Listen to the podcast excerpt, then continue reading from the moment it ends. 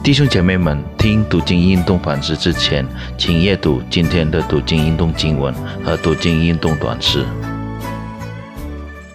主内弟兄姐妹们，大家平安！祝你们新年蒙恩，身体健康，万事如意，爱足更深。我们做一个祷告，我们要恳求上帝带领我们，使我们可以明白。他的话语，我们有信心面对我们的每天的生活。主耶稣，谢谢感谢赞美你，你已经带领我们度过了二零二二年，我们今天进入新的一年，恳求你带领我们，使我们有一个信心，我们有一个刚强的心，面对新的一年。耶稣，你带领，你祝福，你的话语使我们可以明白，我们有信心，我们得到力量，透过我们的生活。谢谢主，感谢赞美你，我们祷告仰望是奉耶稣基督的生命，阿门。弟兄姐妹们，新的日子，一整年，二零二二年会发生什么事，我们不知道。我们从电视看，我们读报纸，许多事许多人说：“哇，二零二三年经济不景气，会很困难，我们会面对很多事。”但是我们不，我我我们不知道会发生什么事。但是我们知道，上帝不断的与我们同在。快乐的时候，我们困难的时候，有他与我们同在。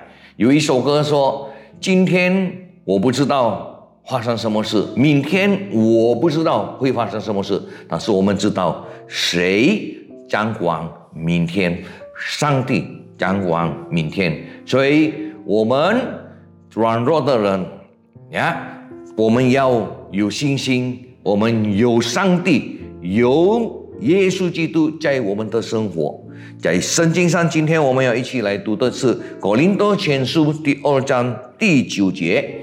《格林多前书》第二章第九节，如经上所记，神为爱他的人所预备的是眼睛未曾看见，耳朵未曾听见，人心也未曾想到的。所以这经文说。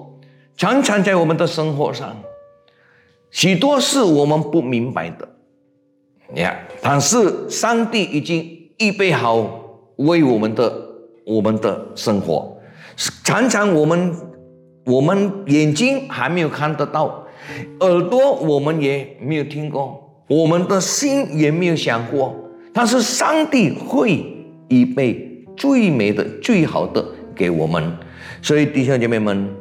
明天如何？我们不明白。我们要做计划，一年的计划，两年的计划，五年的计划。但是我们不要忘记，在我们的计划里，我们要让上帝在我们的计划里，所以他会与我们同在。弟兄姐妹们，耶稣啊，他代替摩西的时候。带领以色列人进入迦南地，在约书亚约书亚书第一章，上帝三次的告诉约书亚，讲你要刚强壮胆呀！每一个人约书亚，你知道你要进入这个应许地，你要进入迦南地，这个不是很容易的事。你也要带领以色列人，你已经看了四十多年，怎么样？以色列人以色列人对摩西不简单，不是容易的事。但是上帝告诉他：你要，你要呀，你当刚强壮胆。我们要有一个乐观的生活，我们要乐观面对明天。因为上帝与我们同在，我们刚刚已经庆祝了圣诞节，一个月十二月份，整个月我们庆祝圣诞节。有一个信息，也不要忘记，伊玛内利。伊玛内利的意思是上帝与我们同在，神与我们同在。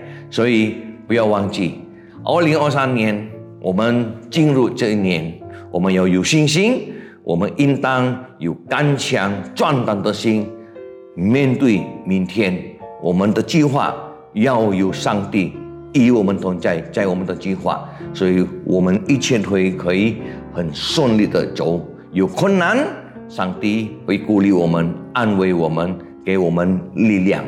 以马内利，耶稣基督降生与我们同在。我们做一个祷告。主耶稣，谢谢，感谢加美尼，你赐了给我们健康。你已经带领我们一整年，二零二二年，我们今天来到你的面前，恳求你带领我们。